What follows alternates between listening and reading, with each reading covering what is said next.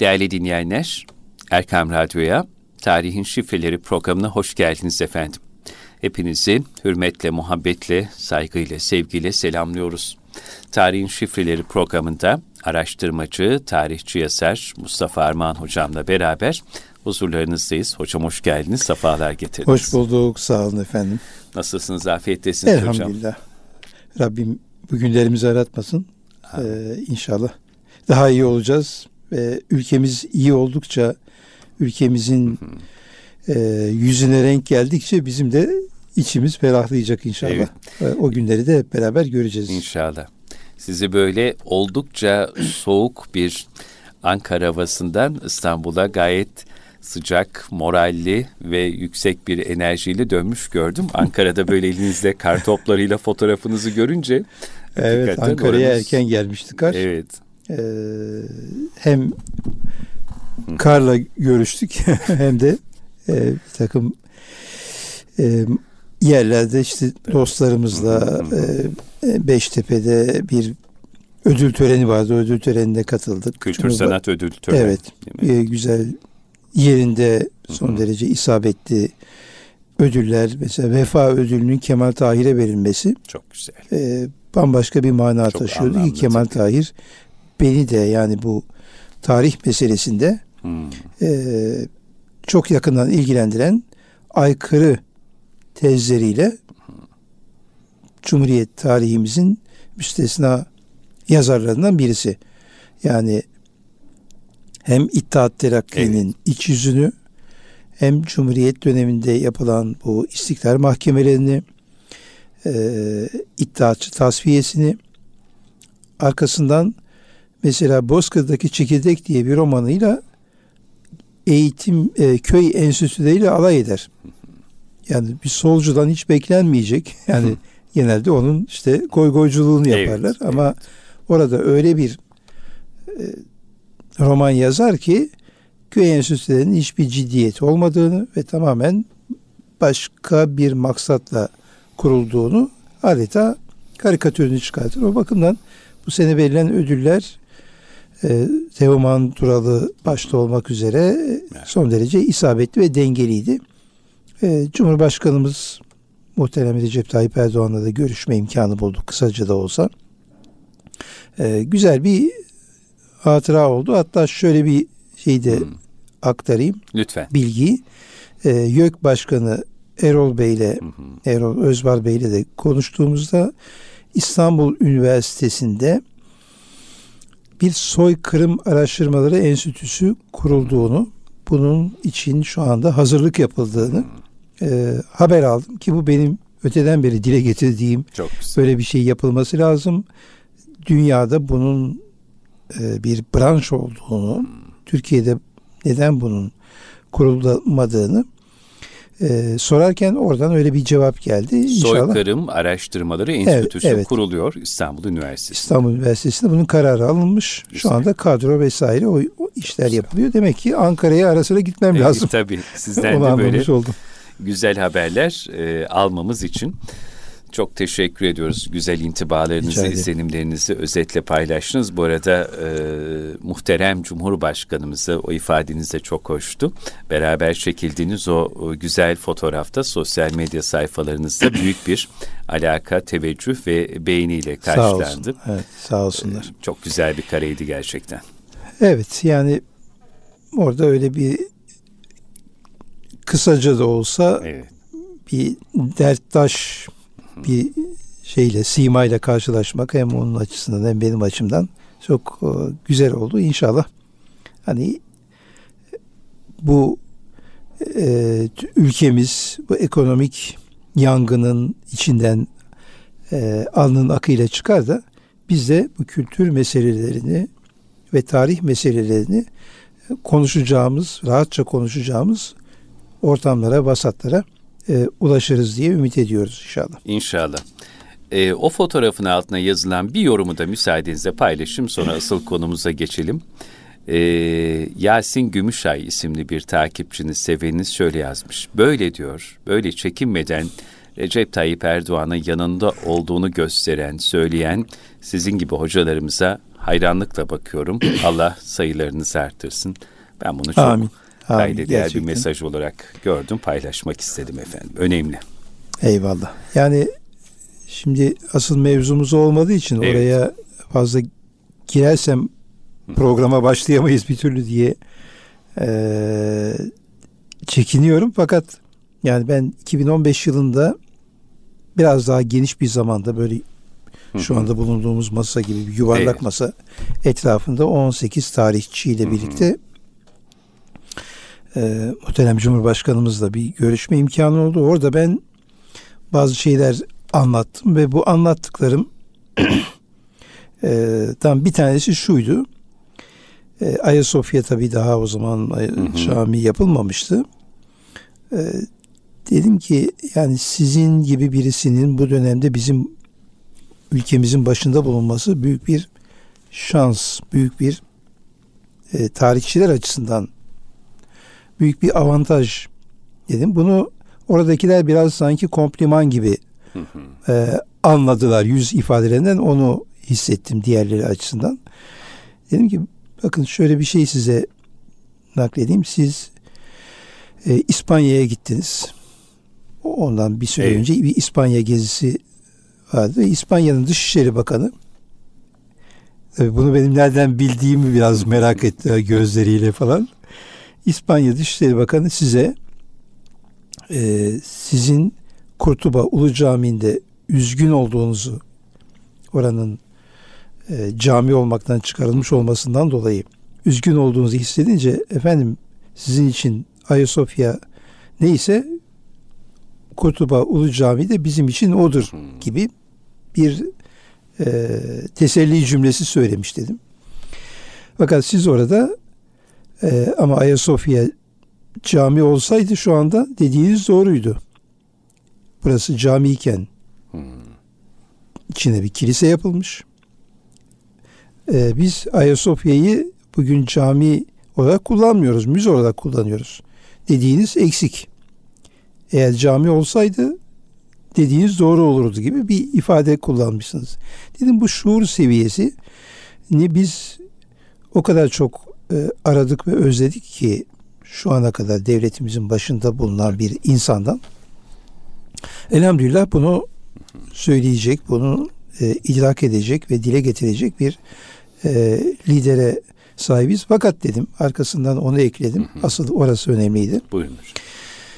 E, 2000 yılında ya da işte ona yakın yıllarda yani Süleyman Demirel'in Cumhurbaşkanlığı döneminde Demirel de davet ediliyor İspanya'ya. Ve bu İspanya gezisi sırasında kral İspanya krallıkla yönetiliyor. Kral kendisine bir yemek veriyor, bir ziyafet. Ee, bu dedim Hürriyet gazetesinde çıktı bu haber orada yayınlandı. Ee, masanın Demirel'in karşısında oturanlar Demirel'in arkasında bir tablo olduğunu gördüler dedim. Ve bu tablonun e, altında Lepanto yazıyordu. Yani İnebahtı savaşının tablosuydu. Evet. Ve bunu kendisine dediler ki efendim bakın arkanızda bir tablo asmışlar. Ve sizi buraya oturtmuşlar. Ve bu da İnebahtı yani İspanyolların bizi tarihte yendiği ilk savaşın e, tablosu. Buna bir şey demeyecek misiniz? Yani bu anormal bir şey, e, bir, bir durum. Deyince Demirel e, eliyle böyle boş ver gibilerinden bir hareket yapmış dedim.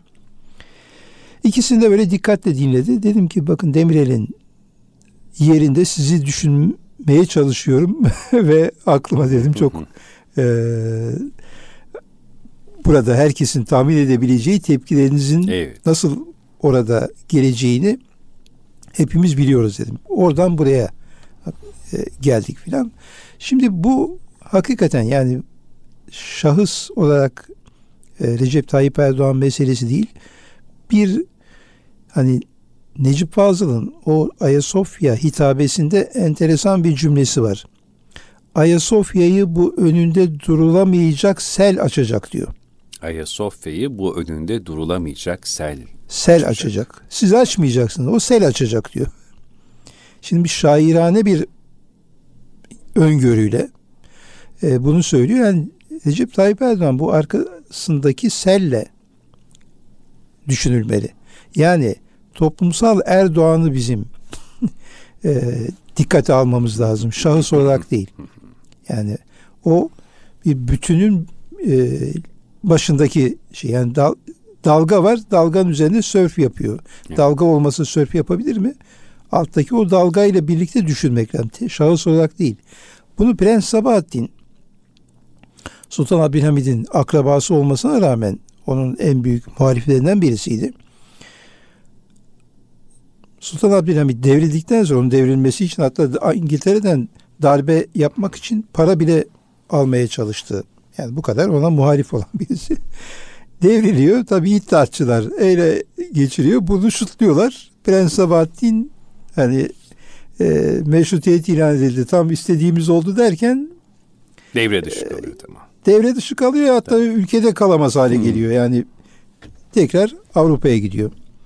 O zaman diyor ki biz diyor o toplumsal Abdülhamid'i anlayamamışız diyor. O diyor devam ediyor orada bir şey var. Yani o biz sadece şahıs olarak onu görmüşüz ama bu altta başka bir şey varmış. Şimdi burada da böyle bir durum var. Ee, bunu netleştirmemiz hı hı. açısından bunları söylemek ihtiyacını duydum.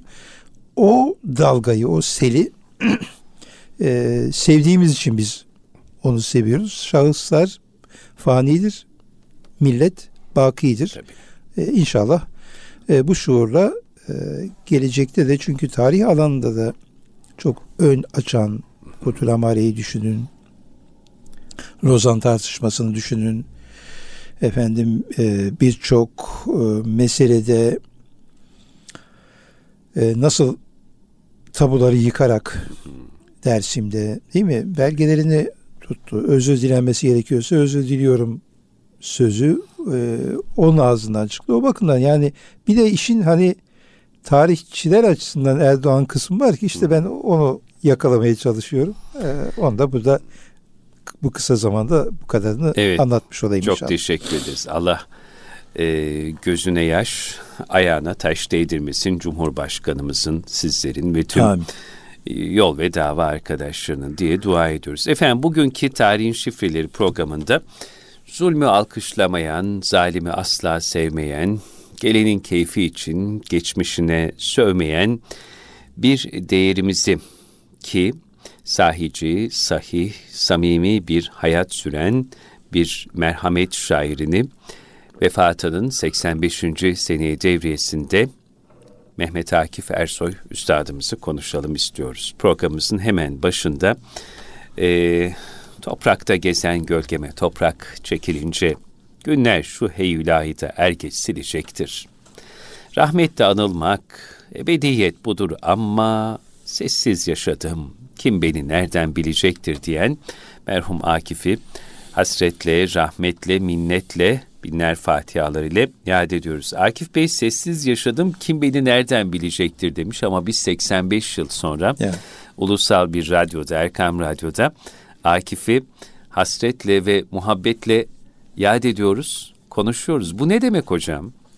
Unutulmamak Şimdi, ve gönüllerde böyle güzel izler bırakmak. Ne söylersiniz? Kolay bir şey değil. Gerçekten zamanı aşmak, zamana mütehammil olmak e, öyle zannedildiği kadar kolay değil. Yani mesela Akif'in çağında Mehmet Akif'in yaşadığı hem Osmanlı döneminde hem Cumhuriyet'in ilk yıllarında e, birçok şair vardı. Bugün Çok, isimlerini tabii. söylesek kimsenin hatırlamayacağı e, şairler ama bunların içerisinden birkaç tane sıyrılıp da bugüne gelebildi ki işte bu Yahya Kemaller, bilmem efendim e, Necip Fazıl, belki işte Tevfik Fikret falan o yani sayısılık bir 8-10 kişi ancak var. Belki biz asır sonra onlardan birkaç tanesi daha silinecek yani evet. e, ortadan kalkacak isimleri. Ama Mehmet Akif'in e, dediği gibi aslında yani üzerine toprak çekmişçesine 1924'ten sonra bir eser vermiş değil. Vefatına kadar. Evet. Yani bir Mısır'da bastırdığı hem onu da Osmanlıca bastırıyor. Bu yüzden Türkiye girişi yasaklanıyor.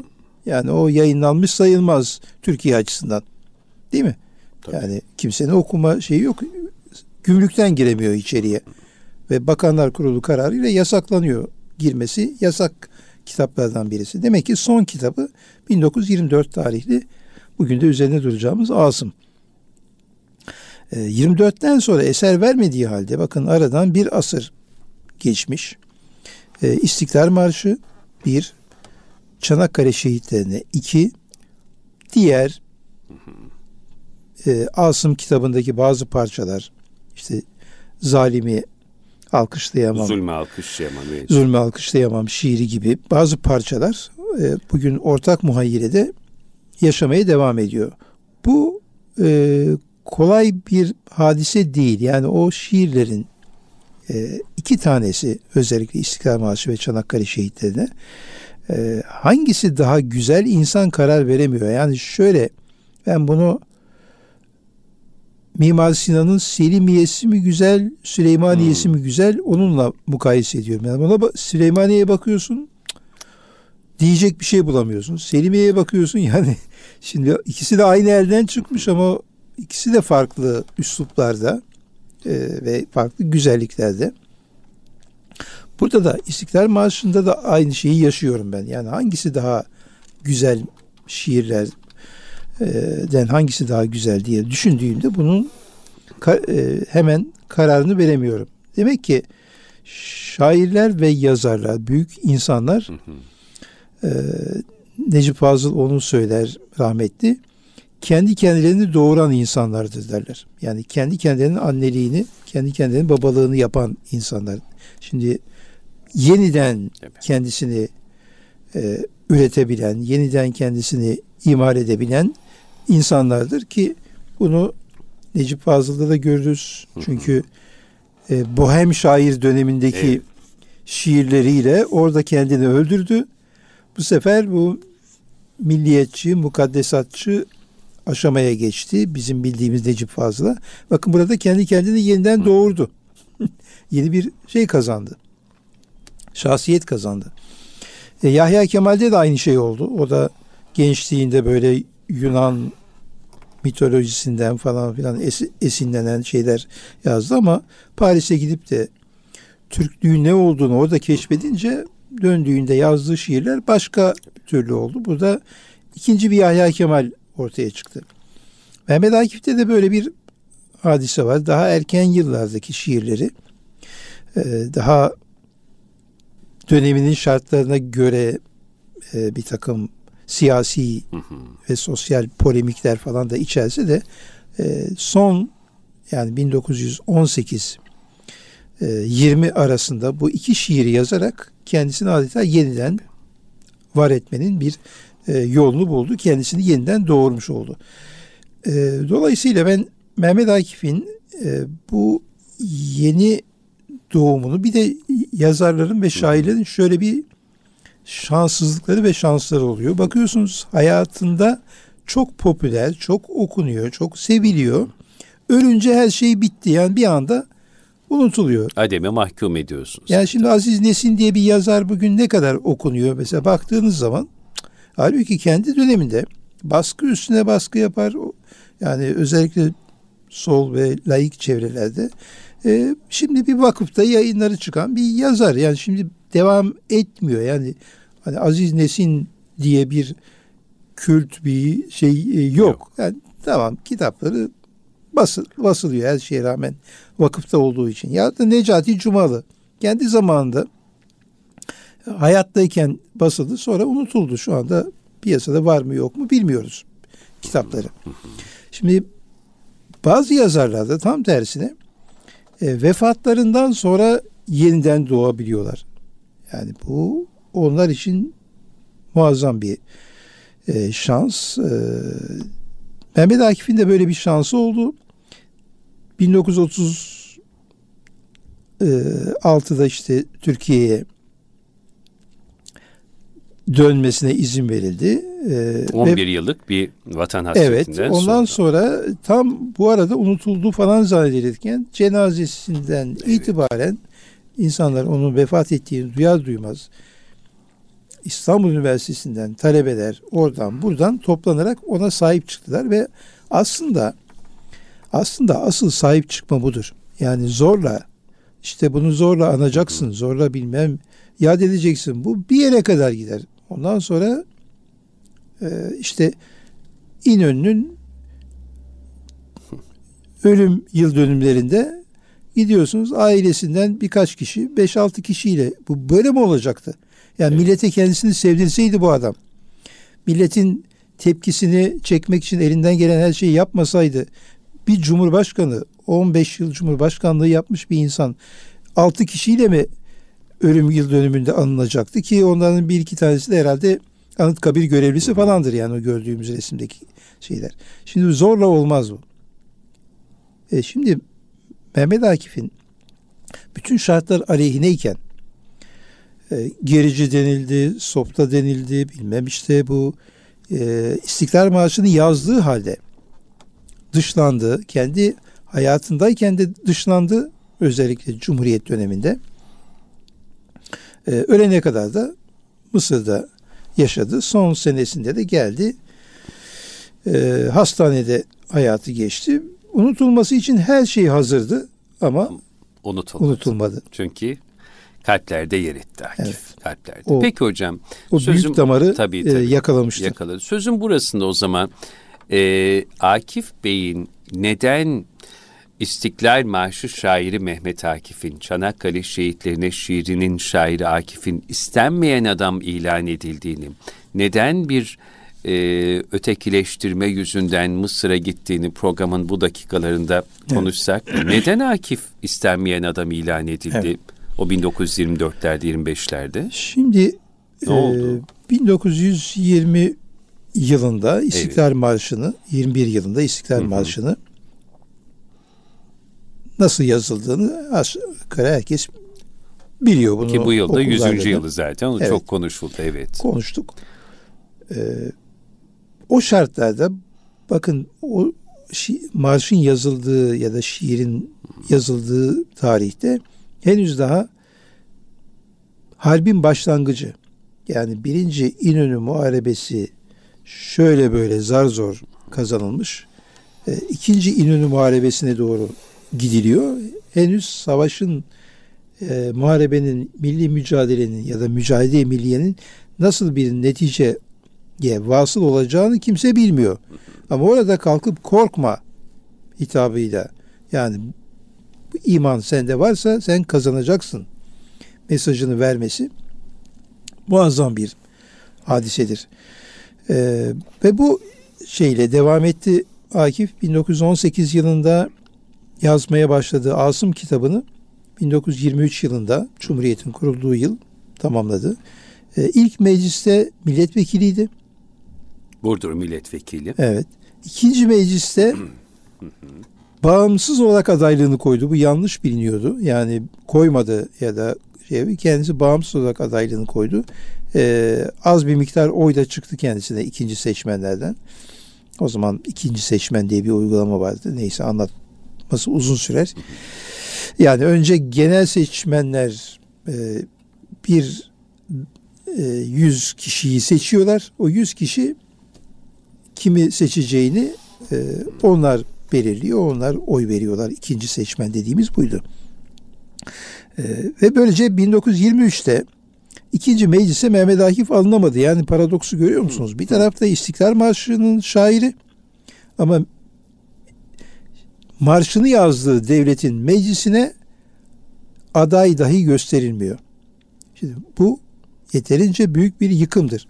Akif'in makam mansup peşinde koşan birisi olmadığını biliyoruz ama bu nobranlıklar, bu e, kendisine karşı gösterilen e, bu tepkiler ondan onu çok yıktı. Sonra e, 1923'ün Mart'ında hilafet kaldırıldı. Mehmet Akif de 1924'ün e, Mart'ında hilafet kaldırdı. 3-4 ay sonra Temmuz ayında Asım kitabını yayınladı. Şimdi bu bence hmm. yani çok net bir şekilde ben sizden değilim mesajıydı Akif'in. Bir tavır ortaya koyuyor. Tavır. Burada. Net bir tavır. Şimdi şairler kalkıp da e, bağırıp çağırıp e, şey yapmaz. Mesajını şiiriyle, eseriyle verir. Dedi ki ben siz beni dışlıyorsunuz ama ben anladım ki sizden değilim. Benim yolum ayrı. Benim yolum Asımlar yetiştirme yoluydu. Neydi? Allah'a dayan, saye sarıl, hikmete ram ol. Yol varsa budur, bilmiyorum başka çıkar yol.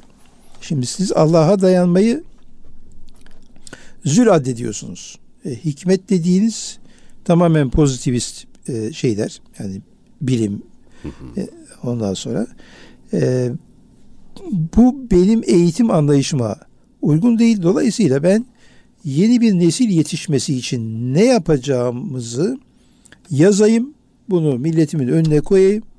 O nesil, imanlı nesil, o e, gelecekte bu ülkeyi kuracak hakiki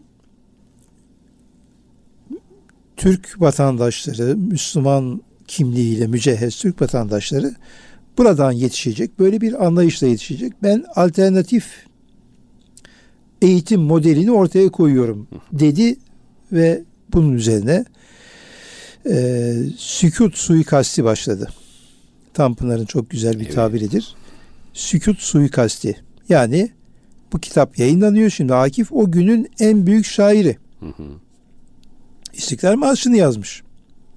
Ve Çanakkale şehitlerine şiiri de bu kitabın içerisinde. Yani Asım kitabın içerisinde bir parçadır. Evet. Buna rağmen Asım kitabı 1924 Temmuz'unda yayınlanmasına rağmen kimsecikler çıkıp da gazete köşelerinde bile ufak bir tanıtım dahi çıkmıyor. Ya böyle bir şey olabilir mi? Yani yerin göğün oynaması lazım. Yani şunu söyleyelim. Süleyman Nazif'in e, bir kitabı var zaten. Utandığı için yazıyor onu. Bakıyor ki ya kimseye bahsetmiyor. Diyor ki utanalım ey millet diyor. Yani böyle bir eser yazıldı. Bu en büyük şairlerimizden birisi. Bunun da en güzel eseri bu. Yani Asım kitabı Mehmet Akif'in de kariyerinde zirve. Tabii. Aruz olarak, mesaj olarak. Böyle bir eser neşredildi. Utanalım, görmedim, duymadım, bilmiyoruz numarası yapıyoruz. Böyle bir eser nasıl atlanır? Bir kitap yazdı. Sonra Ertuğrul Düzdağ Bey onu hem Osmanlıcası hem Latin harfli halini neşretti. Şimdi bu sükut suikasti işte Akif'i e, yaralayan ikinci mesele oldu milletvekilliğinden sonra. E, tam 1925 gibi bir tarih olduğunu şey yapıyoruz. O arada bir sene bir gitti geldi Mısır'a. Kışın gitti, yazın geldi. Bu gidiş gelişleri içerisinde e, bir haber okudu gazetede. 18 Mart günü bugün e, bir konferansım da var orada. Eminönü Halk Evi evet. binasında bir toplantı yapılıyor. Devrin işte tek partinin kodamanlarından birisi orada çıkıp konuşma yapıyor.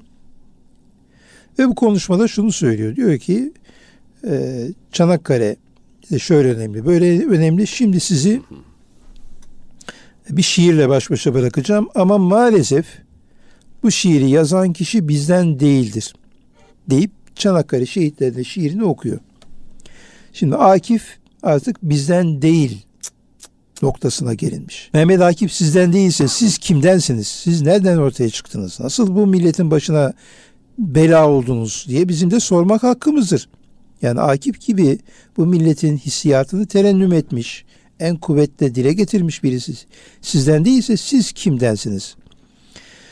Ee, bu da Mehmet Akif'i yaralayan üçüncü büyük darbe oldu.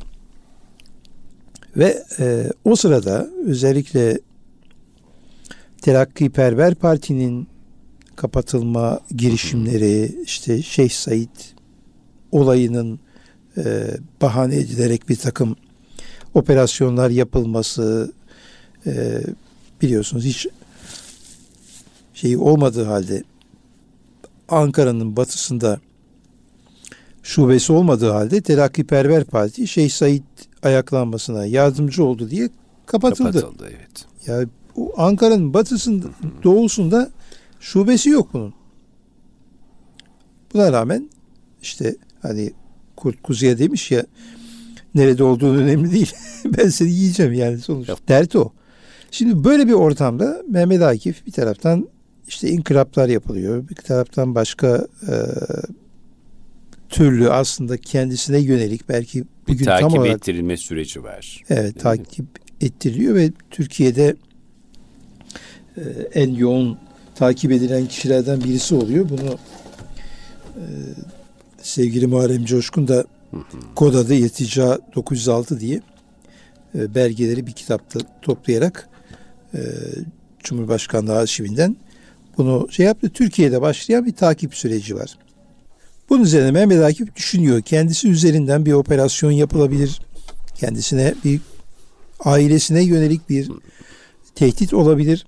Bütün bunları düşünerek e, zaten daha önce kışın gittiği Mısır'a e, giderek orada 11 yılını gömüyor.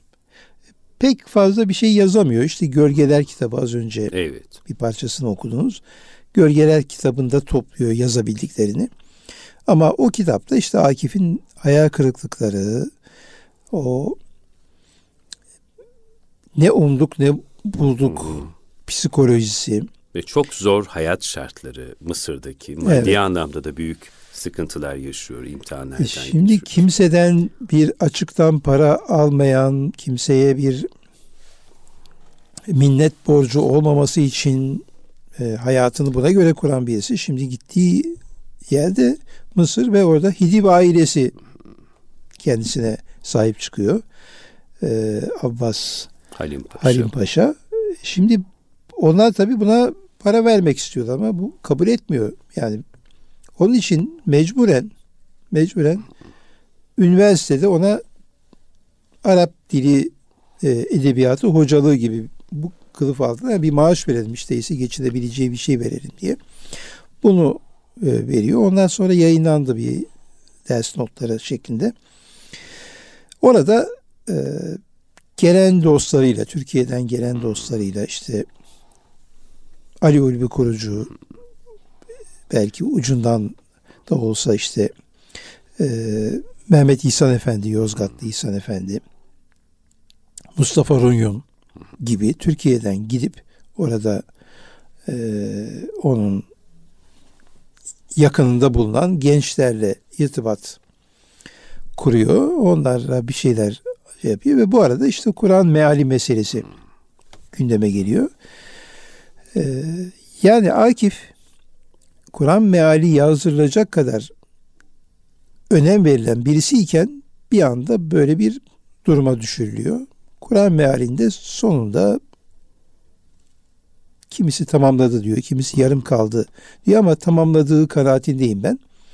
E, bunu e, Mehmet İhsan Efendi'ye teslim ediyor. O diyor ki ben ölmeden eğer senden bunu geri istemezsem sende kalırsa bunu yak diyor. Endişesi de Türkiye'de 1930'lu yıllarda yapılmak istenen din reformunun aleti olma endişesi. Endişesi evet. Yani Türkçe Kur'an okutulacak camilerde Türkçe e, asıl Kur'an aslı kaldırılacak bu meal resmi meal haline getirilecek diye bir endişe uyandı ki bu çalışmalar yapıldı. Göztepe'de bir camide Türkçe Kur'an'la e, namaz kılındı Cemalettin Efendi diye bir imam bunun denemesinde yaptı bazı camilerde bu teşebbüs de yapıldı. E, dolayısıyla Mehmet Akif böyle bir vebalin altına girmemek için çünkü ebediyen bir insanı ahirette de mesul edecek, dünyada da kahredecek bir e, büyük mesuliyet. E, buna girmemek için teslim etmedi. Çok kendisine adam gönderildi. e, bunu tamamlaması için dönemin Diyanet İşleri Başkanlığı'nın bizzat evet. Akif'ten bu meali istiyor. Bu meali yazmasını istiyor ve Akif çok izzetli bir tavrı her zaman kendine yakışır bir şekilde evet. orada da gösteriyor. Diyanet İşleri Başkanlığı'nın zaten üç kitap şey evet. var. Bir Mehmet Akif'e meal, Elmalı Hamdi Yazır'a tefsir. tefsir. Ee, Babanzade Ahmet Naim'e de Sahih Buhari Tecridi Sarih şerhini hazırlatıyor. Ee, diğer iki kitap sonradan tamamlandı ama e, Mehmet Akif bunu şey yapmadı bir avans da almıştı.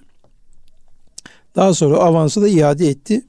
Yani ben vazifemi yapamadım. Bu parayı almaya hakkım yok diye avansı iade etti. Şimdi e, şeye gelirsek e, Mehmet Akif'in dramının Asım boyutuna hmm. gelirsek burada bu kitabı dikkatle incelemek gerekir ki ben küçük bir kitapta yazdım. Bu. Evet, Asım'ın Nesli Çanakkale'de Doğan Ümit adıyla çok önemli bir eser kaleme aldınız hocam. Küçük özellikle gençlere yönelik evet. yani Asım kitabında Mehmet Akif ne anlatıyorsa onu anlatmaya çalıştım. ee, ve bu yani iyi bilinmesi gereken yani eğitimcilerimiz tarafından mutlaka bu kitabın bir roman olduğunu bakın hmm. manzum bir roman olduğunu Asım kitabının. Şimdi manzum roman olur mu? Mehmet Akif yazdı işte. Yazıyorsa oldu. Aruz'la evet. roman yazdı adam. Yani tabii ki içinde Çanakkale şehitlerine şiiri gibi parçalar var. Ama o bir diyaloğun içerisinde geçiyor bu parçalar.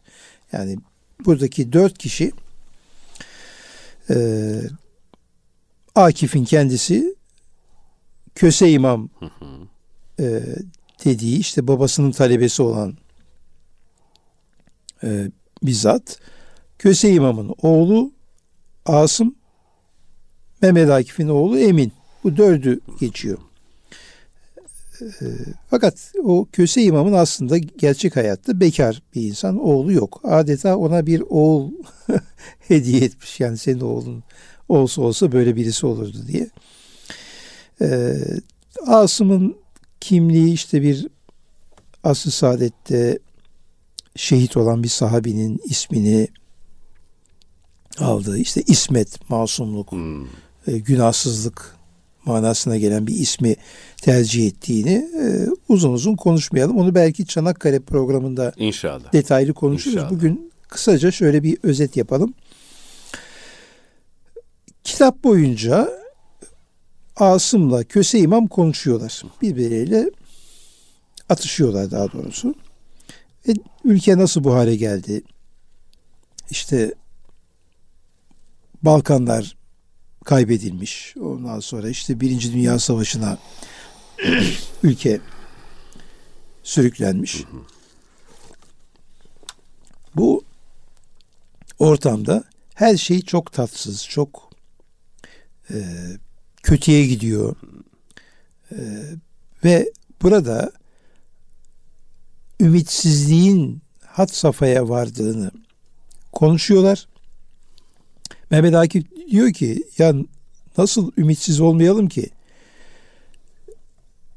Bizim karşımıza öyle bir tablo çizdiler, öyle bir e, şey koydular ki resim koydular ki yani devler hortlasa bu kadar karanlık olmazdı. Yani hortlasa devler belki diye bunu anlatıyor. Ee, ve bize en ufak bir ümit ışığı veren olmadı. Ee, yürü oğlum diye teşcih edecek yerde beni diktiler karşıma bir kapkara karanlık ki e, hortlasa de e, bu kadar korkunç olmaz. Hortlasa devler belki. Şimdi tam şeyini hatırlamıyorum ama bu mealde bir şey yazıyor. Şimdi o neslin e, özellikle Sultan Abdülhamit'ten sonraki neslin nasıl korkak, nasıl e, ümitsiz yetiştiğini anlatan bir bölümden sonra e, Köse İmam diyor ki o zaman nasıl kurtulacak bu memleket? Bir taraftan memleketin kurtulacağından bahsediyorsun, bir taraftan bu kadar kötülüyorsun.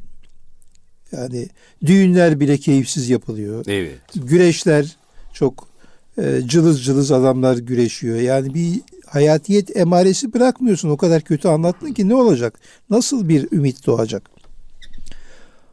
Diyor ki Asım'ın nesli hocam diyor.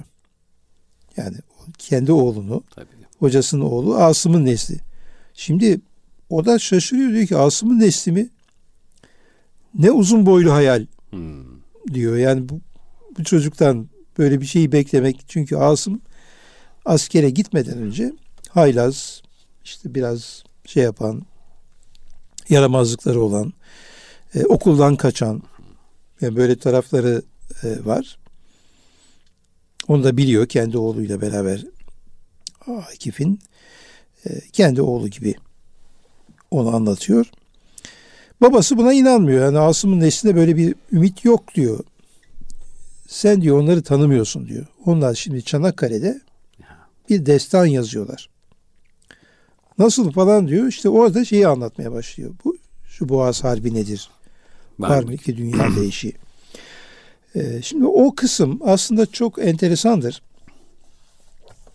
Ee, diyaloğun burasında girer. Yani aslında bu şiir bu ümitsizlik havasını konuşurken Akif der ki sen onları tanımıyorsun.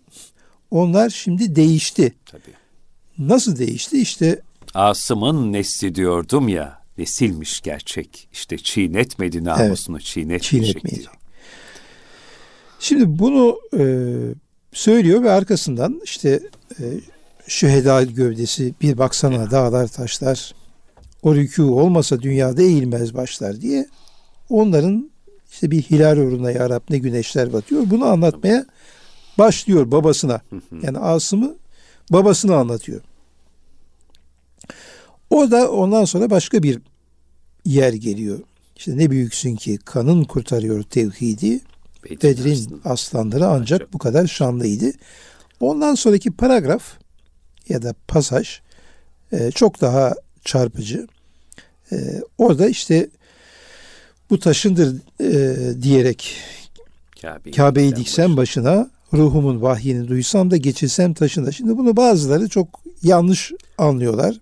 Ya işte Kabe bir şehide mezar taşı ol, olacak kadar süfli bir şey midir? Akif bunu nasıl yapar falan. Ya Akif bunu yapar. Niye yapar? Çünkü bir şeyi biliyor. Şimdi maazallah diyelim. Allah muhafaza. Yeryüzünde hiç Müslüman kalmasa bir gün. Kur'an okuyan, namaz kılan, oruç tutan hiç kimse kalmasa ama her taraf Kur'an'da olsa. Kabe'de orada dursa pırıl pırıl aydınlatılmış. Amerika'dan uçakla gidip hani Efes harabelerini gezer gibi insanlar gezse aa ne kadar güzelmiş. Kabe Kabeliğini muhafaza edebilir mi?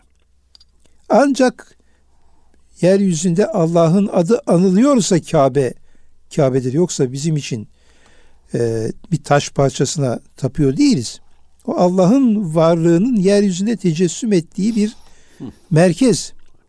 O varsa Allah'ın adı anılıyorsa, Kur'an okunuyorsa, namaz kılınıyorsa, o bağımsızlık varsa orası Kabe şey yapar. Yoksa herhangi bir tarihi siteden farkı kalmaz.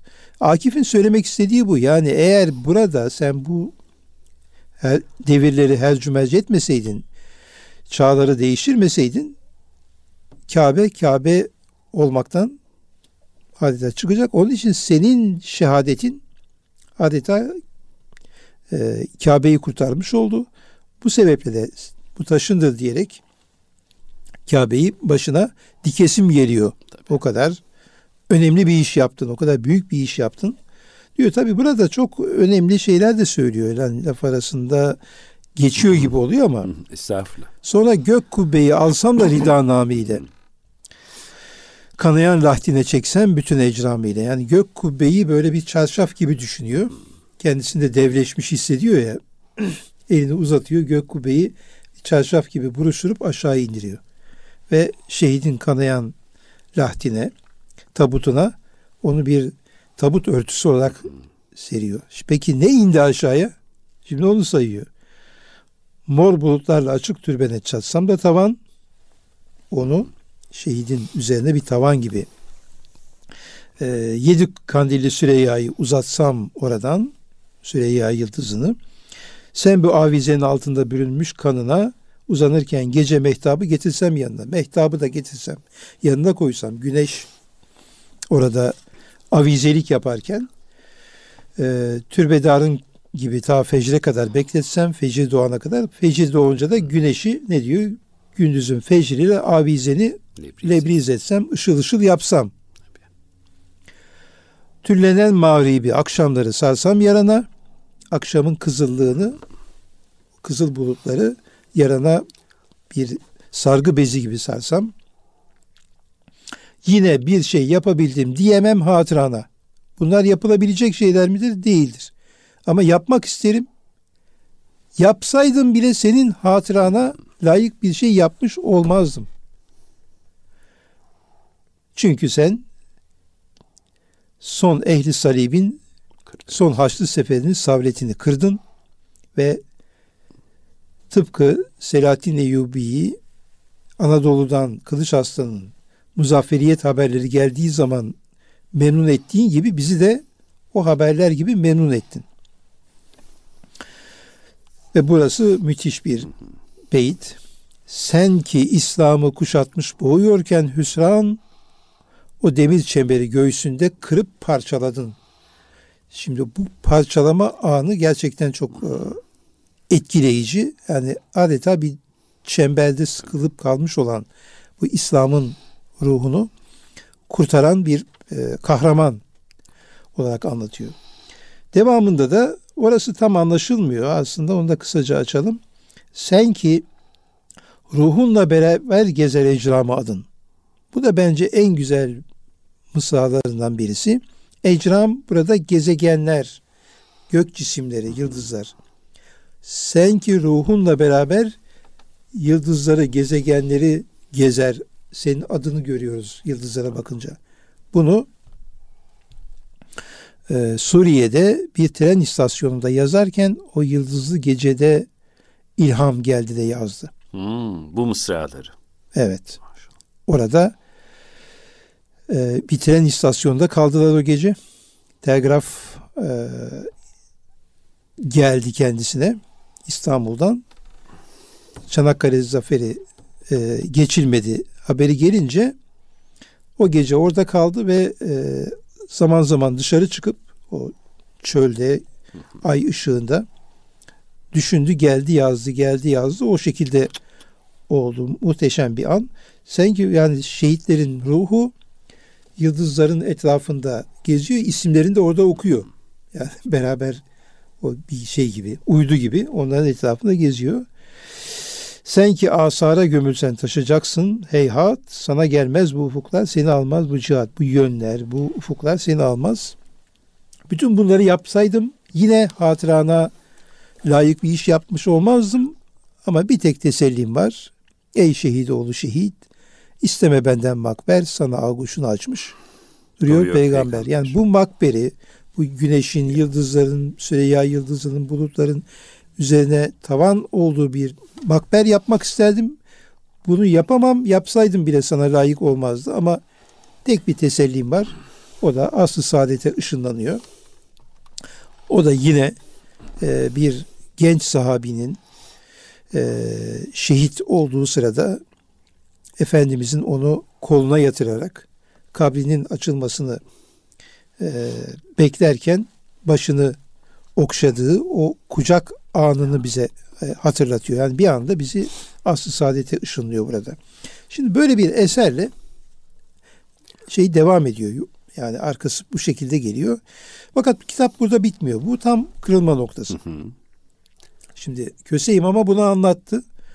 Köse İmam şaşkınlık içerisinde dinledi. Ya bizim Asım neymiş? Hakikaten öyle miymiş filan. Ya bak işte bunlar bir şey oldu.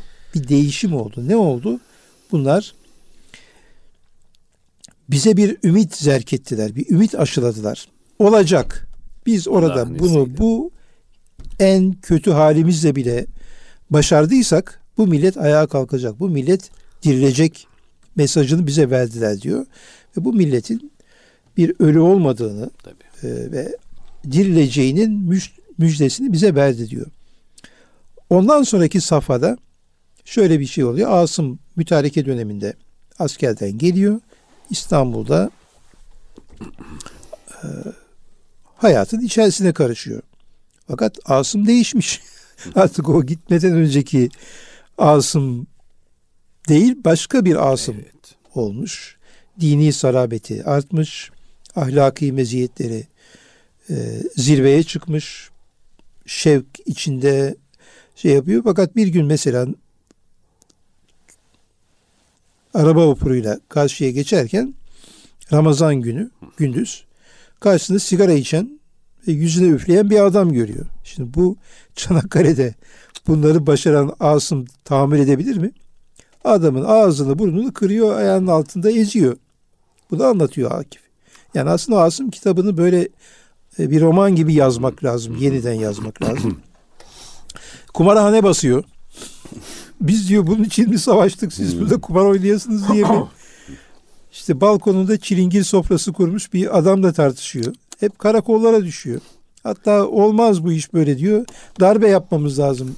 Darbe olmadan hmm. bu memleket düzelmez asacaksın 3-5 kişiyi filan. O kafaya gelmiş artık Asım. Şimdi babası diyor ki Köse İmam. Ya diyor Akif diyor sen diyor bunu işte Asım'ın nesli, Asım'ın nesli dedin. Al Asım geldi. İşte sarhoş dövüyor. Bilmem kumarhane basıyor. Bu mu olacaktı sen Asım Asım dediğin? Bunları mı yapacaktı? Bak diyor şimdi yine karakola düşmüş. Beni çağırıyorlar. Akif gidiyor karakoldan alıyor Asım'ı. Neyse. Çıkarken Asım'ı kenara çekiyor. Kitabın sonunda bunu anlatıyor. Diyor ki Asım bak bu iş vurmakla, kırmakla, sövmekle, dövmekle olmaz. Bataklığı kurutacağız biz. Sineklerle uğraşmayacağız. Sen Çanakkale'de bu işleri yaparken sen ve senin neslin bu sineklerle uğraşmak yerine daha köklü bir hamlenin başlatıcısı olacaksınız. Ve bunun için okuyacaksınız. Eğitiminizi ihmal etmeyeceksiniz. Yarım bırakmıştın okulu. Şimdi okuluna devam edeceksin. Aklını başına al. Bu memleket sizden çok şey bekliyor. Siz bu memlekete bir ümit aşıladınız. Ama ümit sadece yetmez. Bunu çalışarak e, geliştirmek, büyütmek ve milletin kalkınması için bir enerjiye dönüştürmek durumundayız. Onun için sen Berlin'e Berlin'e okumaya gideceksin. Ama Batı'nın ahlakını almayacaksın. Batı'nın ilmini, yalnız ilmini alacaksın diyor. E buradan döndükten sonra da bizim kurumuş ilim pınarlarımıza oradan öğrendiklerini arada kanal olacaksınız diyor. Kanal olacaksın. O suları buradan kurumuş derelerimize akıtacaksın ve bu milleti ihya edeceksin. Senin vazifen bu. Ve ne için gönderiyor? Ne okumak için gönderiyor Asım'ı? Asım'ı? Atom fiziği okuması için gönderiyor. Bakın 1924'te kitap olarak çıktı. Yazılışı 1918'dir. Yani 18'de başladı. Şimdi daha atom yeni bulunmuş. Atom e, enerjisinin ne olduğu daha dünyada bile yeni yeni öğrenilmiş bir şey. Fakat Akif geleceğin enerjisinin atom olduğunu e, maddenin e, ne diyor? işte en küçük küre, küre zerriyesi diyor. En küçük parçası diyor. Bunu anlatıyor. Bunu diyor biz bu ülkeye kazandırırsak işte şöyle olacak. Her taraf aydınlanacak. E, dolayısıyla Akif'in e, zihninde ikinci bir Çanakkale var. Hı hı. O ikinci Çanakkale'de eğitimin Çanakkale'si. Çok güzel. Yani bu bence o kitabın verdiği muhteşem bir mesaj. Ama bu mesaj nedense yeterince anlaşılmıyor. Özellikle bu eğitim tarafı da. Evet. Yani eğitimin Çanakkale'si. Tabii. Meselesi. E bunu kazanamazsak e, öbür Çanakkale'ler maazallah bizi yine bekliyor olacak günün birinde. Mesajını veriyor. Hocam mesela şu şiiri çok kısa bir bölüm paylaşalım. Yani gençlere nasıl ufuk ve hedef gösteren bir şiirdir. Ati karanlık görerek azmi bırakmak. Alçak bir ölüm varsa eminim budur ancak. Dünyada inanmam hani görsem de gözümle imanı olan kimse gebermez bu ölümle. Ey diptir meyyit iki el bir baş içindir. Davran sana eller de senin baş da senindir. Ya. His yok, hareket yok, acı yok. Leş mi kesildin? Hayret veriyorsun bana sen böyle değildin. Kurtulmaya azmin neye bilmem ki süreksiz, kendin mi senin yoksa ümidin mi yüreksiz diye devam edip gidiyor. Evet. Bu bu tarafı gerçekten yani o ümitsizliğin içerisinden bir ümit çıkarma yeteneği müthiş. Yani şimdi Çanakkale'den bir eğitim felsefesi çıkmasını bekler misiniz? İşte Akif bu. Şimdi Oradan onu anlattı. felsefeyi çıkartıyor tabii. Onu anlattı. Biz zannediyoruz ki orada bitti şiir. Hayır şiir orada bitmedi. Onun bir devamı var. Az önce anlattığım gibi. Yani Asım'ın neslini bu işi başarmış olan nesli gelecekteki Asımların bir prototipi olarak ortaya koymaya çalışıyor. Ve bu yani Akif'in nasıl vizyoner bir tarafı olduğunu da bize gösteriyor. Yani böyle bir muharebeden, böyle bir zaferden bir gelecek vizyonu evet. oluşturuyor. Yani Akif'i aslında e, o şey de çok enteresan. Yani Asım'ın nesline söylediği o cümle bakın o cümle aslında çok e, şey kenzi mahfi gibi bir hmm. ifade. Asım'ın nesli diyordum hmm. ya nesilmiş. Nesilmiş. Gerçek. Gerçek. Nesilmiş. Şimdi burada geçmiş zamanı Tabii. şey yaptı. Bak işte Çanakkale'de oldu. Bitti. İşte çiğnetmedi namusunu dili geçmiş zamana geçti. Şimdi mişli geçmiş zamandan dili geçmiş zamana gitti. İşte çiğnetmedi namusunu çiğnetmeyecek. Şimdi bakın üç zaman kipini aynı beyitte kullandı. Demek ki ben sadece size geçmişi anlatmıyorum. Sadece Çanakkale'de olanları anlatmıyorum. Geleceği de anlatıyorum. Geleceği de buradan bir mesaj veriyorum. Kurtuluş formülü e, budur ve bu kurtuluş formülünü eğer biz unutmazsak bu milletin sırtı yere gelmez demiş oluyor. Dolayısıyla Akif'i okurken, Akif Bey'i okurken böyle çok boyutlu okumak, e, tabii ki hamaset olarak da okuyabiliriz. Gözyaşlarımıza e, elbette gözyaşı dökmeye de ihtiyacımız var. Ama bunun arkasında bir düşünür tabii. tarafı var ki onu ihmal etmemiz bize yakışmaz. E, bu vefat yıl dönümünde de onu rahmetle e, yad ederken e, onun nasıl yaşatılacağına, onun fikriyatının nasıl yaşatılacağına dair eserlerinde böyle binlerce ipucunun olduğunu söyleyelim. Büyük evet. şairler e, böyle konuşurlar. Demek kendilerini böyle doğuruyorlar aynı zamanda. Doğuruyorlar. Evet. Yani şimdi sürenin sonuna geldik ama e, bendenize bıraksınız efendim böyle bir iki saat daha sizden Akif'i dinlemek hakikaten isterim. İnşallah Eyvallah. daha e, nice tarihin şifreleri programında Akif dedemiz üzerine konuşuruz. Hüseyin Cahit Yalçın Bey'in yakın dostlarından çok güzel bir ifadesi var. Hayatı diyor e, şiirlerinden daha büyük bir şa- e, şiir. Ha, evet. Hayatı şiirlerinden daha büyük bir şiirdir Akif'in diyor. Es, bir, bir eseri de hayatı. E, hayat diyelim. işte, işte evet. bir programda da belki yani yine evet. haftaya olur ya da uygun bir zamanda yani belki yine konuşuruz. Evet. Çanakkale'nin yıl dönümünde tabii, tabii. olabilir. Ee, bir şey yapalım bunu. İnşallah. Ve şunu da söyleyeyim Buyurun. son olarak 40. ölüm yıl dönümüne kadar Akif devlet tarafından resmen anılmamıştır. Değil mi? 76'ya kadar anılmadı. Evet. 76'ya kadar millet andı. Tabii.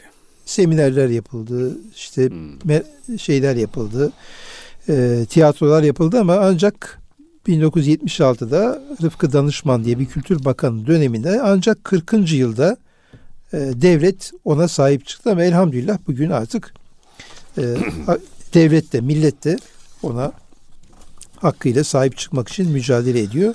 Bu e, çok önemli bir gelişme onda e, belirtelim. Çok teşekkür ediyoruz hocam. Biz bugün programda yazdıklarıyla yaşadıkları çelişmeyen e, Mehmet Akif'i ki gerçekten istiklal ve istikbal aşığı olan bir değerimizi Asım'ın neslini yetiştirmek için ter döken bir muallimi, bir fikir işçisi olan Münevver Akif'i ve ömrü boyunca bunun mücadelesini veren e, Asım'ın neslinin bugün taşıdığı anlamı sizinle konuştuk. Bu dar zaman dilimi içerisinde Akif Bey'in mücadelesini, onun manevi ve kültürel mirasını ve Asım'ın nesli e, efendime söyleyeyim projesini değerlendirme imkanı bulduk. Çok teşekkür ediyoruz. Size Rica ederim. Dinlemek ayrı güzelmiş efendim. İnşallah başka programlarda da konuşuruz devamını. İnşallah. Sağ o zaman çok sağ olun. Son sözü de e, merhum e, Mehmet Akif Ersoy Üstadımızın ki vefatını 85. seneye devriyesinde rahmet ve minnetle yad ediyoruz kendisini bugünlerde. E, şu mısralarına bırakarak e, müsaade isteyelim. Diyor ki efendim Akif Bey işte aslında çok güzel bir Asım portresi de bu şiirde çiziliyor bir yerde. Zulmü alkışlayamam. Zalimi asla sevemem. Gelenin keyfi için geçmişe kalkıp sövemem. Biri eşdatıma saldırdı mı hatta boğarım. Boğamazsın ki. Hiç olmazsa yanımdan kovarım. Üç buçuk soysuzun ardından zarlık yapamam.